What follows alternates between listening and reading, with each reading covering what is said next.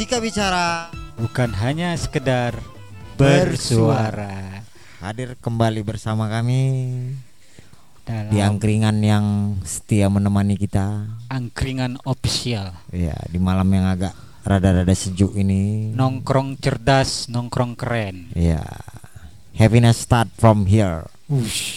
Baik, eh masih di podcast yang sama Becakal Becakap Langkat. yes Kali ini kita kehadiran eh, dua tokoh, dua tokoh kang tokoh kunci nih sebenarnya pada Betul. zamannya waktu pada itu. zamannya Mudah-mudahan hari ini juga masih bisa oh jelas masih berpengaruh tokoh gitu, tokoh kepemudaan. Jadi bincang-bincang kita kali ini tuh kita mau bicara pemuda hari ini. pemuda hari ini Ah, kontribusinya apa untuk langkat Ya. Kontris, kontribusinya apa untuk Langkat dan gimana sih kondisi pemuda Langkat hari ini? Makanya kita Betul. hadirkan nih dua dua pem- pembincang kita ini Iya. di podcast. soalnya ini. dua pembincang ini kang Ha-ha. karena memang dia kalau aku pikir memang kalau untuk popul- popularitas ke depan mereka berdua ini yang kita hadirkan ini kurang tapi mainnya di balik layar kang Oh, banyak banyak hal-hal yang besar itu atas inisiasi mereka berdua ini the man behind the screen. iya ya. itu yang penting kan itu yang Itu paling yang penting. paling fatal sebenarnya Ah, kalau misalnya makanya kita hadirkan hari ini. iya Siapa sih pemuda-pemuda yang di balik layar yang selama ini itu iya tokoh Sebagai- kunci di Langkat Iya sebenarnya betul gitu. betul. Inilah mereka berdua nih lah salah satu ya kan Iya. dari beberapa tokoh kunci yang ada di Langkat ini. Oke, Oke kita perkenalkan aja lah Kang. langsung kita perkenalkan nih salah satunya yang pertama Bung Bas. Bung Bas. Selamat malam. Siap. Iya, Bung Bas ini mantan ketua KNPI, KNPI ini. Kecamatan Tanjung Pura. Tokoh juga dia. Hari ini ketua MPI KNPI Tanjung Pura. Ah, itu dia.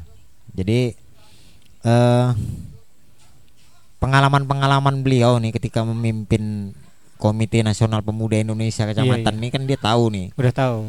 Ah, mindsetnya pemuda Iya. langkat hari ini itu paling tidak menurut perspektifnya itu nanti kita bincangkan di sini. Betul. Yang kedua, saya silakan. Bung Aar. Yes. Ini sangat-sangat populer kalau di media sosial. Yang paling sering memanggil mengetek Bung Aar ini di di Facebook. Semua Itu tuh akan kumpul kalau udah beliau ini Nah, itu dia. Goyangnya kan. Goyang. Itu dia. Bung Aar ini yang pertama pernah jadi sekjen KNPI Tanjung Pura, hari ini juga aktif dari berbagai kegiatan kegiatan kepartaian juga dia jadi jadi tokoh penting desain Iya. kegiatan sering Itu mere- mereka itu orang-orang yang akan membuat kegiatan konsultasi sama beliau. Dia ini juga tukang buat layar nih. Iya, makanya itu. Ini toko Iya, kunci. selamat malam. Asal jangan layar ketoprak aja lah. Engkolisme ya kan? Engkolisme. Ini benar nih. Ini kita berbicara fakta, Bang. Karena orang-orang seperti mereka berdua nih, Kang, Mm-mm.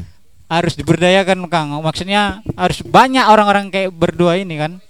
Biar Tapi langkat ini kayaknya mereka berdua ini belakangan ini kurang gitu, kurang, Iya. kurang ak- apa namanya mau tampil di permukaan. berkembang. Betul, betul. Ini kalau mereka berdua ini tokoh-tokoh yang menghadirkan banyak kader-kader di Langkat Benar, ini. benar, Bang. Itu dia. Betul, Kang. Jadi kan langsung aja lah kan. Ah. Kan kita hari ini kan temanya pemuda masa kini. Iya. Jadi ada ada grand design yang mungkin bisa bisa terlahir di pembicaraan kita karena yang kita undang adalah biasa untuk mencetuskan ide-ide Kang. Ini bukan engkolisme, enggak. Ini Bukan, ini bukan, bukan. ini berbicara fakta. Iya, iya, iya. Gitu Kang. Suruh kita nih. Ya udah lanjut aja. Yang Kita mana pertama dulu. kali? Pertama nih ke Bung Aar. Bung Ar lu gimana? Bung Aar dulu. Ah. Silakan Bang Akar. Ini kita kan temanya nih pemuda nih. Menurut perspektif Bang Aar lah. Silakan Bang Aar. Iya, sebelumnya saya ucapkan salam dulu ya. Assalamualaikum warahmatullahi wabarakatuh. Assalamualaikum warahmatullahi wabarakatuh. Selamat malam. Salam sejahtera bagi kita semua. Terima kasih lah kepada kawan-kawan Siap. yang hari ini mengundang kami bicara masalah pemuda. Eh, memang kalau kita urutkan kepada Undang-Undang Nomor 40 Tahun 2009 tentang kepemudaan, usia kita nih sebenarnya udah nggak muda lagi. Gitu ya. Gitu. Ya, di Undang-Undang Nomor 40 Tahun 2009 itu diterangkan pemuda adalah eh, warga negara Indonesia yang berpotensi dan berusia mulai dari 16 tahun sampai 30 tahun. 30 tahun. Iya. Itu potensi pemuda. Jadi sebenarnya kalau bicara masalah pemuda kita ini udah nggak pemuda lagi, tapi jiwa dan semangat kita ini adalah jiwa Iya. semangat pemuda, Selalu Ini muda. selalu muda dan mudah-mudahan tampil dengan eh, suasana awet muda. Iya. Siap. Nah, jadi bicara masalah pemuda khususnya di negara Indonesia ini, kita sudah dimulai pada tahun 1928. Bagaimana pemuda menjadi tonggak awal bangkitnya negara ini dan menjadi tolak ukur untuk para pahlawan mendeklarasikan bahwa Indonesia merdeka pada tahun 1945. Nah, bedanya pemuda masa kini dengan masa lalu adalah pada masa itu, pada masa penjajahan mulai dari tahun 1928 sampai kemerdekaan, pemuda berjuang bersama para para pahlawan untuk eh, mendeklarasikan agar Indonesia ini bisa merdeka. Hmm. Nah, tapi ya. pemuda masa kini harus mempertahankan Wah, Ya, pemuda hari ini harus mempertahankan apa yang sudah dir- diraih atau apa yang sudah dicanangkan oleh tokoh-tokoh pemuda kita sebelumnya pada sebelum eh, proklamasi kemerdekaan. Maka di zaman milenial ini, di zaman eh, penuh dengan eh, teknologi pada saat ini, di samping kita harus mempertahankan kemerdekaan ini, kita juga sebagai para pemuda harus memiliki semangat juang agar Indonesia ini bisa lebih maju, terkhusus dari tingkat bawah lah ya, tingkat bawah, tingkat desa, mulai dari tingkat desa, mulai kemudian mulai tingkat kecamatan sampai tingkat kabupaten dan insya Allah juga banyak juga para para pemuda yang hari ini kawan-kawan kita orang-orang Tanjung Pura hari ini sudah menjadi tokoh pemuda tingkat nasional. Nah, Iya, betul. Itu dia eh kalau bicara masalah perspektif pemuda ya kemudian masalah usia tadi mungkin kalau bicara masalah undang-undang ini Bas yang lebih paham Iya, siap. nanti siap. kita akan ya. kupas kembali Iya. masalah apa eh, yang harus dilakukan oleh pemuda kemudian eksistensi pemuda ini harus kita arahkan ke mana Oke. Oh itu tadi itu kan jelas dia. Iya. Jadi Bung Bung Ar itu dia menjelaskan masa lalu itu kan. Iya, iya. Kalau cerita merdeka, kira-kira nih Bung Bas, pemuda hari ini tuh udah merdeka ada dalam pemikiran atau dalam konsep apa gitu. Coba mana menurut Bung Bas nih kira-kira. Wih, terima kasih dan terima kasih kembali kepada rekan-rekan yang telah mengundang kita dan angkringan ya. Ini Angkringan. tempatnya angkringan. Iya. Happiness begin from here. Ush, iya betul betul. betul. Luar biasa itu. Kebahagiaan dimulai dari tempat ini. Iya, iya betul betul. betul. Konteks kali ya. kebahagiaan dan kemerdekaan itu sama. Kalau orang merdeka itu bahagia. Tapi belum tentu orang bahagia itu merdeka. Itu ya. Jika hari ini dikategorikan kita sudah merdeka, ya, konstitusi mengatakan itu. Secara pemikiran, saya rasa belum. Kenapa? Ketika pemikiran masih dikungkung dan dipenjarakan oleh aturan-aturan yang saya rasa bertentangan dengan sikap atau dengan hal yang disebut demokrasi, maka sebenarnya kita belum merdeka. Kemerdekaan pemuda itu adalah ketika beliau tidak bisa menceritakan masa lalu, bukan berarti beliau itu bukan orang yang cerdas gitu. Tapi pemuda bisa menjanjikan masa depan. Masa depan negara, bangsa, desa, kecamatan atau apa pun itu terletak di bahu pemuda. Secerdas apa pun pemuda ketika dia tidak memiliki visi dan tujuan yang baik, baik. minimal untuk dirinya sendiri dan itu dinyatakan dia belum merdeka. Hari ini kita akan terfokus kepada sesuatu hal yang general, umum. Tapi nggak pernah terfokus kepada yang khusus. Seorang itu bisa melakukan apa saja, tapi tidak bisa melakukan segalanya. Iya, iya. Konteksnya adalah bagaimana dia bisa mengekspresikan apa yang dia bayangkan apa yang dia pikirkan dan apa yang dia harapkan menjadi sebuah tujuan dan hal yang dijalaninya. Konteks pemuda ketika bicara merdeka. Lantas, apakah pemuda ini merdeka dalam konteks itu? Ya. Namun dipenjara oleh sebuah aturan-aturan atau resam. Pemuda nggak boleh gini, lo masih muda, anak bau kencur, Iya. Gini, pemikirannya ditolak, mardut bahasanya kan, tertolak bahasanya. Ditolak pemikirannya kenapa? Dianggap minim pengalaman. Tapi pemuda yakinlah dengan dengan hari ini yang disebut dengan masa milenial, pemuda dapat menjangkau seluruh tempat, seluruh pengetahuan, seluruh pengalaman orang-orang sebelum dia melalui teknologi. Hari ini dibuktikan di pembicaraan kita hari ini. Apa nama wadahnya ini? Becakal. Podcast Becakal. Ini media bagi pemuda untuk bersuara. Iya, iya. Ini media untuk pemuda biar tampil mengekspresikan dirinya dari segala jenis yang hari ini mengkungkungnya. Nggak bisa dalam media bicara depan publik. Nih, disiapkan media melalui teknologi. Sampaikan aspirasimu, genggam duniamu, jalani hidupmu. Belajarlah dari mereka yang ada di atasmu, nikmati hidup bersama mereka yang ada sekelilingmu, jangan pernah sepelekan mereka yang ada di bawahmu. Itulah Pas pemuda. sekali. Kalau dipikir kan kita ini kan berbicara idealitas itu ya kan seperti kat Bung Aar tadi juga kan idealnya seperti itu. Cuman kan realitasnya sekarang kita lihat bagaimana kelemahan kelemahan pemuda yang hari ini itu menjadi sebuah apa ya sebuah bisa dibilang malapetaka Kang. Karena apa? Karena hari ini kita lihat belum pernah kita lihat gerakan-gerakan di kaum muda ini yang greget gitu. Ya, terbukti berapa berapa kali momen demokrasi ini pemuda itu nggak nggak nggak memiliki peran signifikan terhadap proses peradaban khususnya di Indonesia ini. Kayak mana menurut Bang Aar lah? Karena faktanya yang kita lihat seperti itu. Kayak mana Bang Aar? Iya, kalau bicara masalah pemuda di politik ini, khususnya demokrasi, banyak juga anak-anak muda yang dulunya berkarir, Hmm. sekarang menjadi tokoh pemimpin. Artinya, ketika di usia muda mereka, mereka membangun jati diri, membangun ilmu pengetahuan, Iya. membangun eh, peradaban, kemudian membangun jaringan, sehingga mentalitas pada diri mereka itu menciptakan eh, salah satu visi untuk mereka masa depan.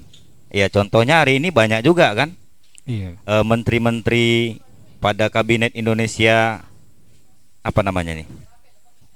Ya masa Indonesia Presiden Bersatu. Jokowi ini adalah tokoh-tokoh pemuda yang kira-kira 10 15 tahun yang lalu berjuang untuk eh, bangsa ini ketika pemikiran-pemikiran mereka diketahui oleh publik dan mereka memiliki rekor-rekor tertentu atau rekor khusus dan terekam dan pemuda-pemuda yang bergerak pada 10 atau 15 tahun yang lalu hari ini membuktikan dirinya gitu.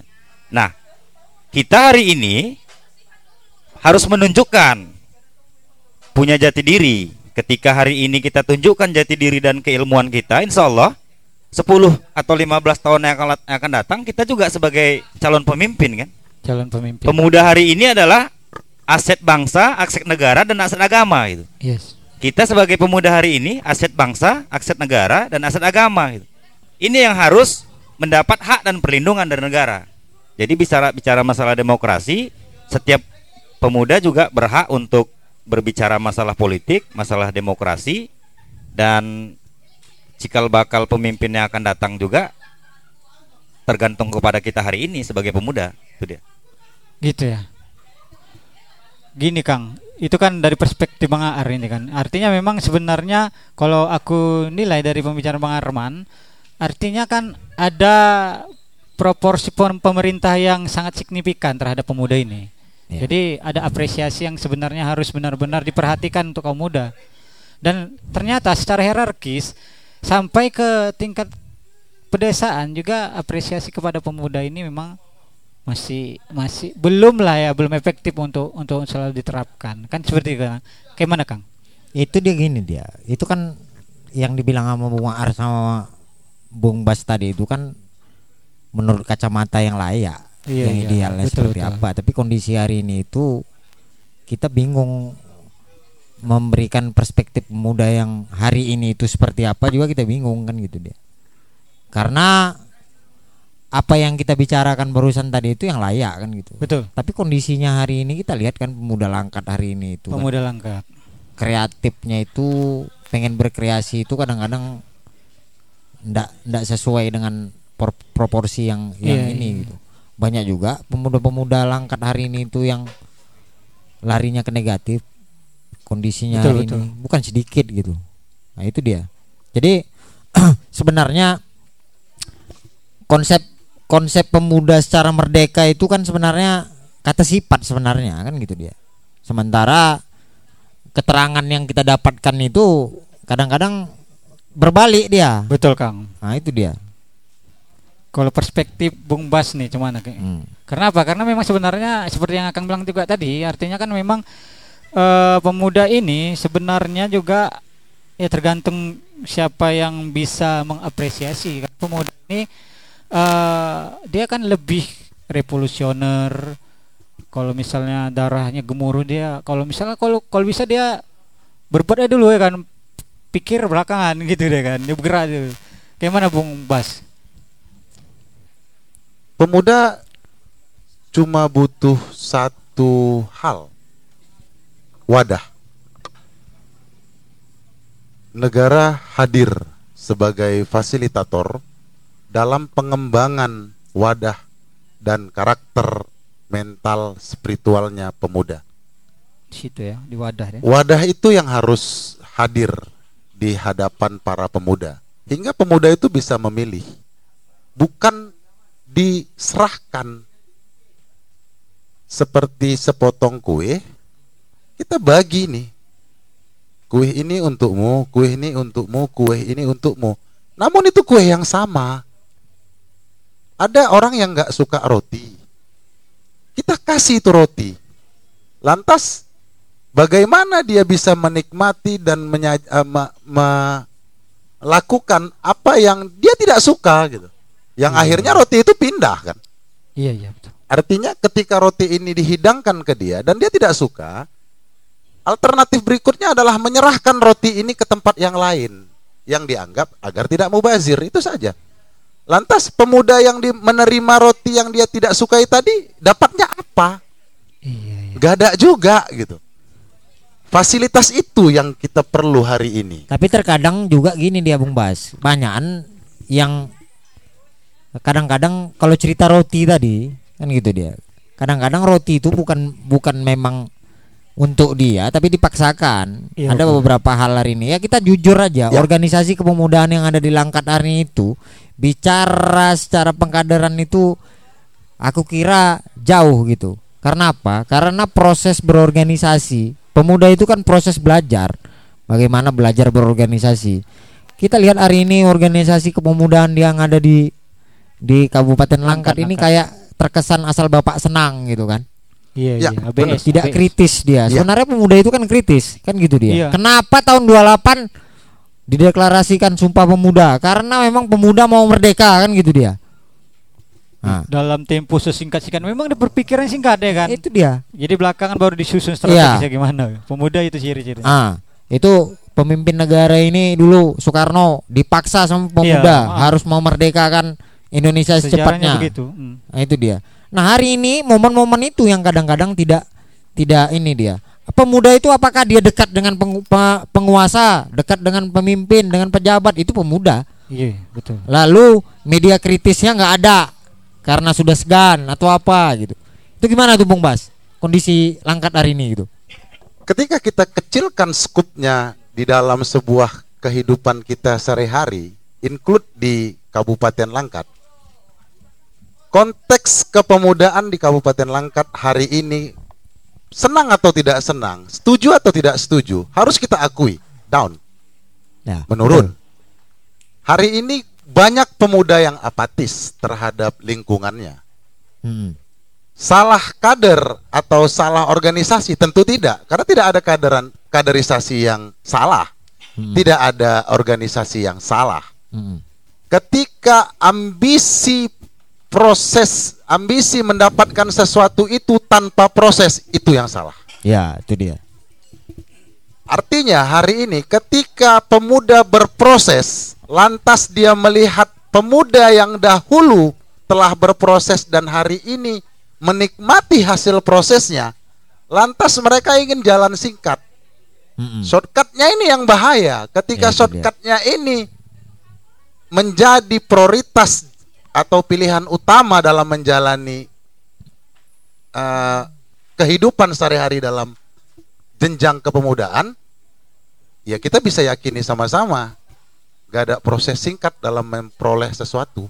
Sehingga karakter itu nggak ada ya. Hilang, Hilang karakter. karakter hilang, timbullah manusia-manusia, pemuda-pemuda yang sifatnya kayaknya kalau bahasa kita menjelaskan goyang atau Instannya. instannya dia labil tanpa melalui proses. ya Tanpa melalui labil proses. hingga apa pun yang terjadi di luar sana dia akan tarik garis lurusnya dan dia samakan dengan daerahnya isu yang terjadi di luar kabupaten nggak bisa kita jadikan itu adalah permasalahan kabupaten juga Iya, gitu iya. Over generalization, Ya, kan? terakhir dia mengeneralkan gitu.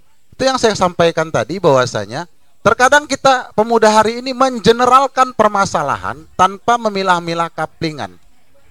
Oh ini kaplingnya udah cukup sampai perbatasan Langkat, di Langkat ini nggak ada. Isunya jangan jangan dikembangkan di Langkat, udah nikmati saja proses di Langkat, jalani jalani prosesnya. Inputnya harus dinikmati prosesnya harus dinikmati baru kita bisa dapat outputnya. Ada tiga hal itu kan, tiga hal.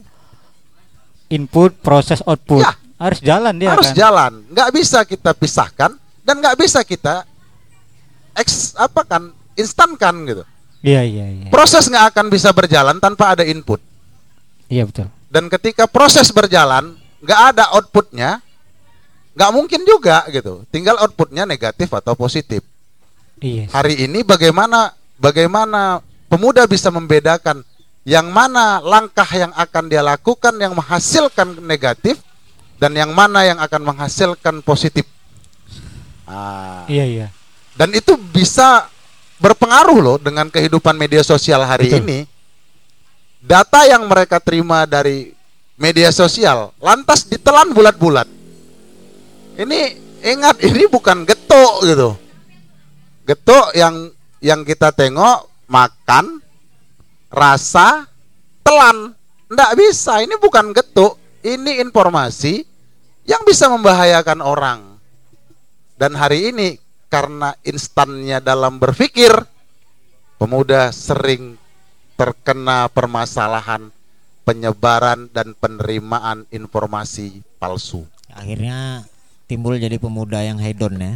Yes. Jadi berserikat itu tidak ada lagi dia.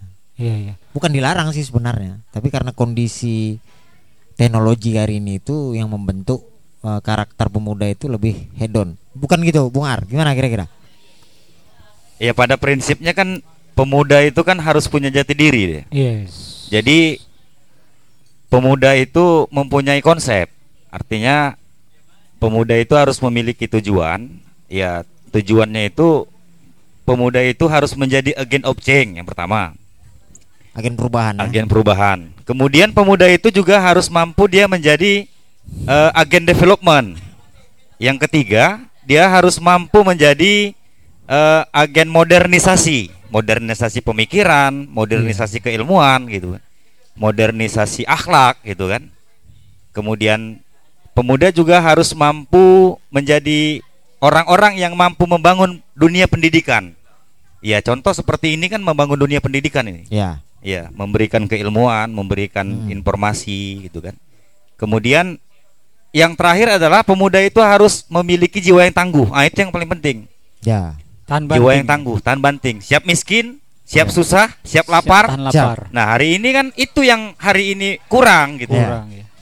Nah, makanya seperti yang dibilang Bung Bas tadi gitu. Harus dia berpikir hanya instan, tidak memikir Hmm. bagaimana proses yang hari ini pemuda-pemuda masa lalu bisa sukses gitu. Iya, iya. Bisa berhasil. Hmm. Mereka juga punya cara dan metodenya sendiri untuk membangun membangun kesuksesan itu. Ya, Itu dia. nggak dilihat dia berdarah-darah ya kan dalam proses pencapaian tujuan itu. Cuman ada satu fenomenal Bang Ar. Ada ini ini kita lihat konteks eh, anak-anak kuliah nih kan. Ada perbedaan memang. Ada sampai bahkan menjadi prinsip bagi mereka. Alah aku kuliah dengar duduk diam sukses IP ku tinggi, aku sukses di pekerjaan. Itu yang aktivis semua dimasukin organisasi inilah hantu belau tapi dia eh akademiknya sampai semester capek gitu dia jadi jadi yang yang jadi ukuran mereka adalah keberas- keberhasilan seperti itu nah itu kan jadi fenomena yang hari ini hampir sampai menjadi prinsip bagi mereka kalangan milenial hari ini itu yang yang ya aku bahkan juga jumpain sering di di kampus seperti itu ngapain ikut organisasi cuma capek-capek aja yang ini yang yang yang jadi pertanyaan dan fenomenal yang yang sangat luar biasa degradasi kepada kita khususnya kaum muda dan untuk adik-adik kita ke ke belakang nanti berikutnya seperti itu. Kayak mana Bung, Bung Air? Iya, kalau kita bicara masalah hasil dari akademisi, Heeh. memang proses belajar meng- mengajar dan proses pembelajaran di kampus itu memiliki tujuan atau target. Iya. Targetnya adalah IP yang tinggi gitu. Iya, iya. Bahkan semua mahasiswa punya target yang sama. Betul. Tapi kawan-kawan yang kawan-kawan mahasiswa yang hari ini masuk di dunia organisasi, mereka bukan hanya bicara masalah tujuan untuk mendapatkan ilmu dan IP yang tinggi, tapi juga mereka belajar bagaimana cara bergaul kepada masyarakat, menciptakan kegiatan-kegiatan di masyarakat, membangun eh, peradaban keilmuan di masyarakat. Artinya masyarakat membutuhkan mahasiswa bukan hanya untuk bangsa ini tapi juga membutuhkan ilmu-ilmu yang mereka dapat di tengah-tengah masyarakat. Iya, betul. Itu yang diharapkan oleh masyarakat. Dan Kalau itu- hanya bicara masalah IP, masuk, datang, duduk, diam, dengar, Ah, oke gitu. iya. Kita dapat ada yang komplot. Bahkan bisa dicatat hari ini banyak beberapa perguruan tinggi mahasiswa yang komplot itu adalah mahasiswa yang non organisasi. Iya. Banyak. Situ yang kenanya. Mahasiswa yang komplot itu adalah mahasiswa yang non organisasi, tapi yang organisasi ini beserak nilainya, beserak. Iya. Ya, tapi walaupun demikian, secara ilmu akademisi atau IP, mereka mereka rendah gitu. Tapi Ah. ilmu yang mereka dapat di tengah-tengah masyarakat, masyarakat Iya. menilai tinggi. Nah, Betul. itu dia. Eh, itu dia. Jadi kalau kalau kita melihat itu tadi berarti kan eh sebagai ag- agent of change-nya kontrol sosialnya kan nggak dapat jadinya. Iya. Masuk pun dia berorganisasi, ujung-ujungnya hanya untuk lip service saja, biar terkenal. Aku punya organisasi ini. Sementara apa namanya proses di organisasi itu kadang-kadang nggak diikutin sama dia. Betul, Kang. Berarti kan sebenarnya kan dia harus seimbang ya kan. Dia sukses di organisasi, sukses di akademik ya kan. IP tinggi, organisasi juga sukses. Cuman kan satu dua orang yang dapat seperti itu, Kang. Ya kan? Artinya apa? Artinya kan kata, Rasul khairul umul awsatuha. Sebaik-baiknya urusan itu kan berada di tengah-tengah. Cuman untuk berada di tengah-tengah ini kita nungap nungap baung kata istilah orang Melayu ya kan. Eh itu tadi Nah. juga makanya banyak memang faktor penghambat itu semuanya Iya. kan gitu dia. Karena pada faktanya untuk Ah. menjadi seorang mahasiswa atau pemuda yang berprestasi harus menyeimbangkan akademik dan berorganisasinya. Ini Iya, yang menjadi betul. permasalahan. Sebenarnya hari ini kan sudah gampang. Media, Iya. informasi, literasi segala macam tuh udah udah tidak susah seperti zaman dahulu lagi gitu. Kalau mau cari buku harus ke Gramet misalnya. Betul. Atau misalnya kalau mau pinjam buku harus ketemu sama Bang Aar nih. Iya. Harus cari. Sekarang kan sudah enak. Udah enak, udah instan. Nah, udah instan apa segala macam. Tuh mah mungkin karena proses mendapatkannya itu terlalu Iya. mudah makanya Tidak ada proses tadi, kembali ke Ah. Bung Bas tadi ya kan, tidak kalau ada tak proses. berproses tak tak ini Iya. dia gitu. Sebenarnya kan konteks dari pemuda itu kan simpel saja gitu. Ketika dia mengikuti jenjang akademisinya, maka yang dia peroleh di situ kan ilmu pengetahuan gitu. Secara kognitif. secara kognitif. Iya. Namun ketika dia berbicara tentang kehidupan organisatoris atau organisasi itu membentuk karakter kejiwaan sosialnya gitu. Bagaimana dia punya itu yang tidak rasa. didapatkan di kampus. ya, bagaimana dia punya rasa simpati terhadap masyarakat di sekelilingnya yang mungkin sedang dilanda banjir, mungkin Iya. sedang dilanda kesusahan, mungkin sedang dalam keadaan yang luar biasa ekonominya gitu. Yang mana itu nggak dilihat dalam kelas, Yes. nggak dilihat itu dalam kelas. Itu dilihat di dunia luar. Ada hal-hal yang memang tidak bisa dicang, dicangkol atau di, digarap oleh dunia akademisi banyak gitu. Dan itu yang kita harapkan dari pemuda-pemuda yang responsif gitu. Iya. Mereka harus respon terhadap dunia sekelilingnya.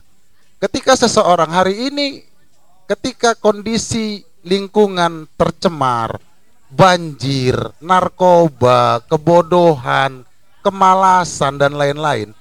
Ketika pemuda itu apatis dan tidak mau menjadi agen perubahan dalam dalam lingkungannya, maka kita akan kembali lagi ke dunia Iya. lalu. Masa gelap. Betul. di mana nanti pemuda mungkin untuk mendapatkan rezekinya dia nggak kerja. Tingkat kriminalitas ber- bertambah jadinya. Kenapa? Karena orang-orang yang bisa merubah itu apatis dia. Dan itu yang yang kita yang kita tadi bilang bahwasanya sebenarnya semakin jauh tanggal atau semakin banyak tahun kemerdekaan kemerosotan tentang perilaku pemuda ini hari ini sudah luar biasa gitu. Iya. Dulu pemuda nggak mau dan nggak bisa macam-macam di hadapan orang tua, ada rasa enggan, ada rasa takut yang menganggap orang tua it, orang tua itu seperti orang tuanya sendiri hingga timbul rasa enggannya, rasa segannya, rasa takutnya. Hari ini hilang.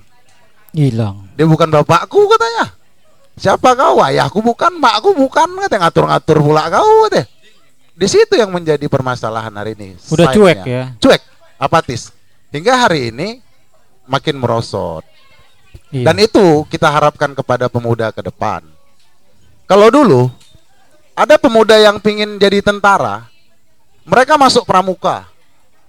Mereka masuk ikut. PPM, Iya, ikut iya. FKPPI gitu kan. Dan ketika mereka berproses dengan bimbingan mental dan fisik serta spiritualnya di organisasi itu, hasilnya ada loh.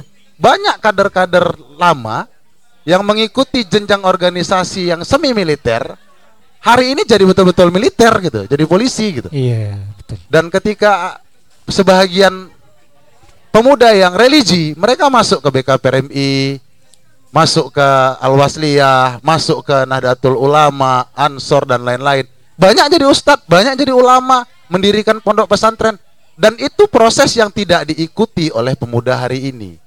Saya rasa demikian. Bukan bukan karena memang pola pendidikannya yang berbeda hari ini. Macam mana Bung Ar? Ya, jadi eh, menyambung apa yang dibilang Bung Bas tadi betul ya kan. Kemudian saya tambahkan sedikit lah ya. Jadi ketika pemuda-pemuda itu belajar di kampus, belajar di sekolah dan belajar di organisasi, mereka juga belajar bagaimana cara menjemput aspirasi. Ya kan? Ketika hari ini terjadi pandemi Covid mulai dari tahun semalam gitu kan. Pemuda-pemuda yang terlibat di dalam dunia organisasi ini terpanggil jiwa raganya untuk kembali ke masyarakat. Sebelum pemerintah hadir, ini mohon maaf ya.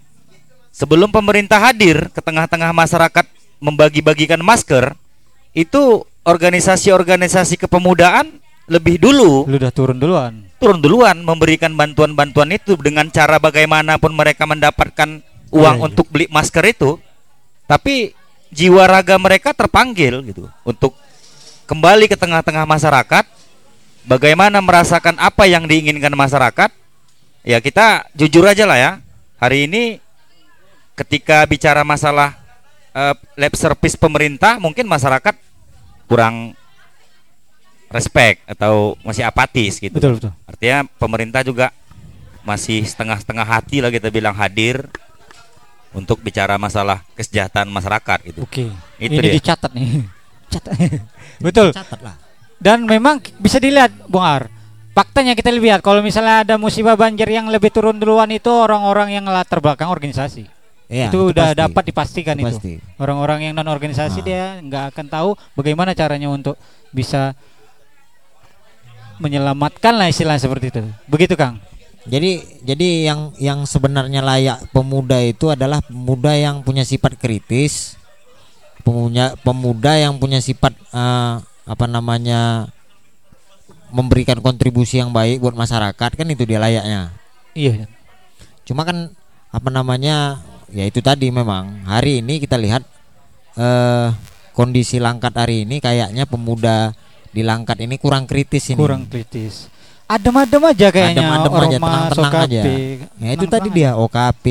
Apa mungkin karena organisasi-organisasi. demikian itu? Nah, karena itu demikian itu itu perlu ada kajian khusus tuh. Pasti nanti akan kita Nah. panggil berikutnya nanti. Iya. Ini apa nih penyebabnya? Apakah puncak pimpinan atau yang up atau top down? Perlu nih, perlu kawan? memang ada kajian. Apakah karena memang regulasi dari atas itu seperti Iya. karena si beliau mungkin Iya. segan sama si beliau kan gitu dia. Ah. Atau memang karena pendidikan di organisasinya memang udah nggak benar lagi kan gitu dia. Betul.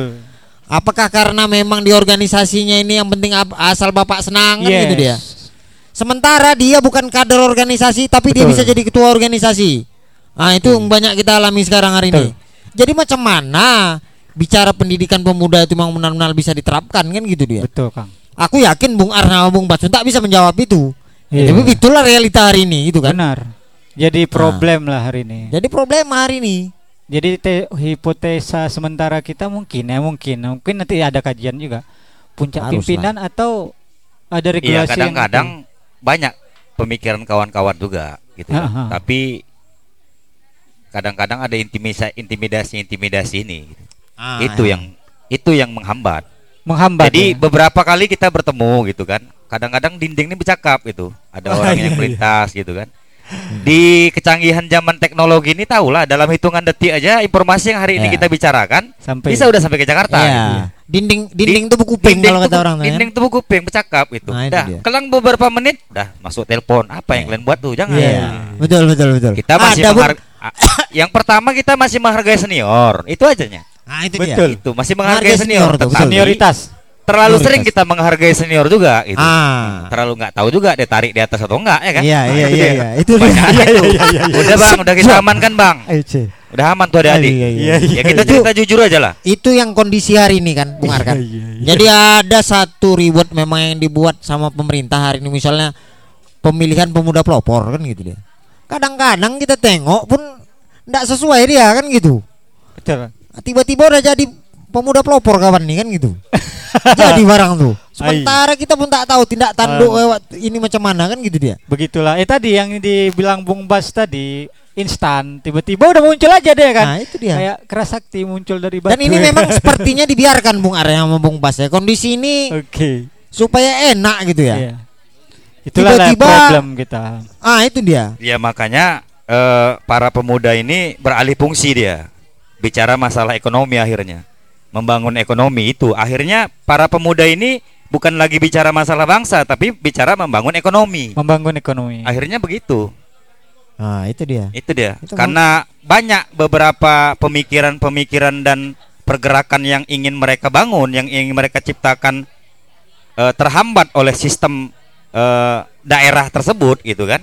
Betul. Artinya ketika kita ingin membuat sesuatu itu mungkin terhalang oleh perda, Ya, oleh hukum gitu betul, kan, betul, betul. oleh sesuatu hal undang-undang Ah. gitu. Akhirnya pemuda ini berpikir bagaimana kita membangun ekonomi yang kuat gitu, tidak lagi bicara masalah eh, kebangsaan gitu kan. Mm, mm, Itu dia. Oke. Itu deh problemnya hari ini dan itu akan dijawab dengan ya dengan diskursus diskursus seperti ini kan karena dia Ya. nggak akan bisa terjawab Betul, betul. menjawabnya dengan gerakan seperti itu mungkin sebagai closing statement lah karena memang udah terbatas nih waktunya kan Ya, ya, ya, ya. nggak nggak nggak rasa kita cakap-cakap gini udah menunjukkan beberapa menit udah kan Iya. sebagai closing statement kami mintakanlah kepada Bang Aar dulu untuk ke depan atau semacam resolusi untuk ke depan atau apa silakan Iya, kita sebagai pemuda khususnya tinggal di tanah Melayu, Kabupaten Langkat, siap mengingat juga beberapa hari akan datang tepat tanggal 17 Januari 2021 Oh, Pas. iya. kita akan melaksanakan peringatan eh, hari ulang tahun Langkat Hut yang Langkat. ke-271 dengan situasi pandemi Covid saat ini kita sebagai pemuda harus eh, menciptakan sesuatu-sesuatu hal yang baru bukan hanya bicara masalah pribadi juga kita harus berbicara masalah kepentingan kemasyarakatan. Jadi beberapa karakter pemuda apakah itu karakter pemuda yang tangguh dalam ekonomi dalam berbangsa kemudian pemuda-pemuda yang hari ini juga ikut sebagai salah satu orang yang terlibat di dunia politik banyak juga pemuda-pemuda yang hari ini duduk sebagai anggota dewan anggota DPRD maupun beberapa instansi-instansi yang lain kita mari sama-sama membangun potensi pemuda masih banyak lagi ribuan bahkan ratusan ribu masyarakat pemuda hari ini menginginkan agar langkat ini ke depan lebih maju Iya. mengingat usia langkat ini sudah mencapai 271 tahun kita sebagai masyarakat Tanjung Pura khususnya Kabupaten Langkat pada umumnya mari sama-sama kita bergandengan tangan menciptakan eh, situasi kondusif dalam meningkatkan kualitas keilmuan, keagamaan, meningkatkan eh, sumber daya manusia yang handal, yang berkualitas karena mengingat eh, situasi yang berkembang pada saat ini kita hidup di zaman milenial, Iya. hidup di zaman kecanggihan teknologi yang akhirnya nanti teknologi ini bisa men- menjerumuskan kita juga, tetapi teknologi ini juga nanti akan bisa menjadikan kita menjadi manusia-manusia yang berkualitas. Itu yang kami harapkan dan saya harapkan. Terima kasih. Oke. Mantap kali. Kalau Bung Bas sebagai closing statement, Bung. Kalau saya hanya menyampaikan sebuah kalimat dan pemikiran yang hari ini kita anggap langka. Pemuda adalah insan cerdas di mana padanya lah inovasi serta semangat, pembaharuan serta karya nyata terletak. Maka tetaplah kuat, jangan terprovokasi dan harus memiliki karakter.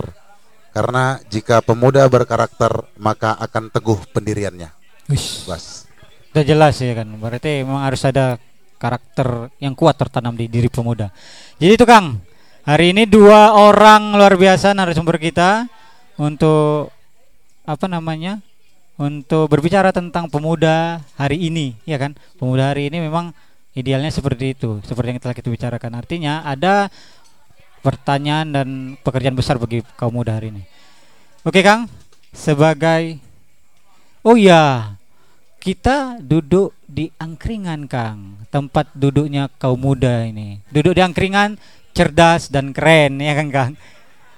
Mungkin ada closing statement dari kita Kang, Oh, adalah. dari Akang dulu. Oh. Karena memang apa namanya episode yang sebelumnya juga. Ah, jadi ini kan eh pemuda itu layaknya harus melakukan demonstrasi. Yes. Demonstrasi itu bentuk perlawanan ya kan. Iya Jadi iya. saya teringat dengan kata-kata Sogi ini. Ush. Saya putuskan bahwa saya akan demonstrasi karena mendiamkan kesalahan adalah kejahatan. Iya. Bejakan. Assalamualaikum warahmatullahi wabarakatuh.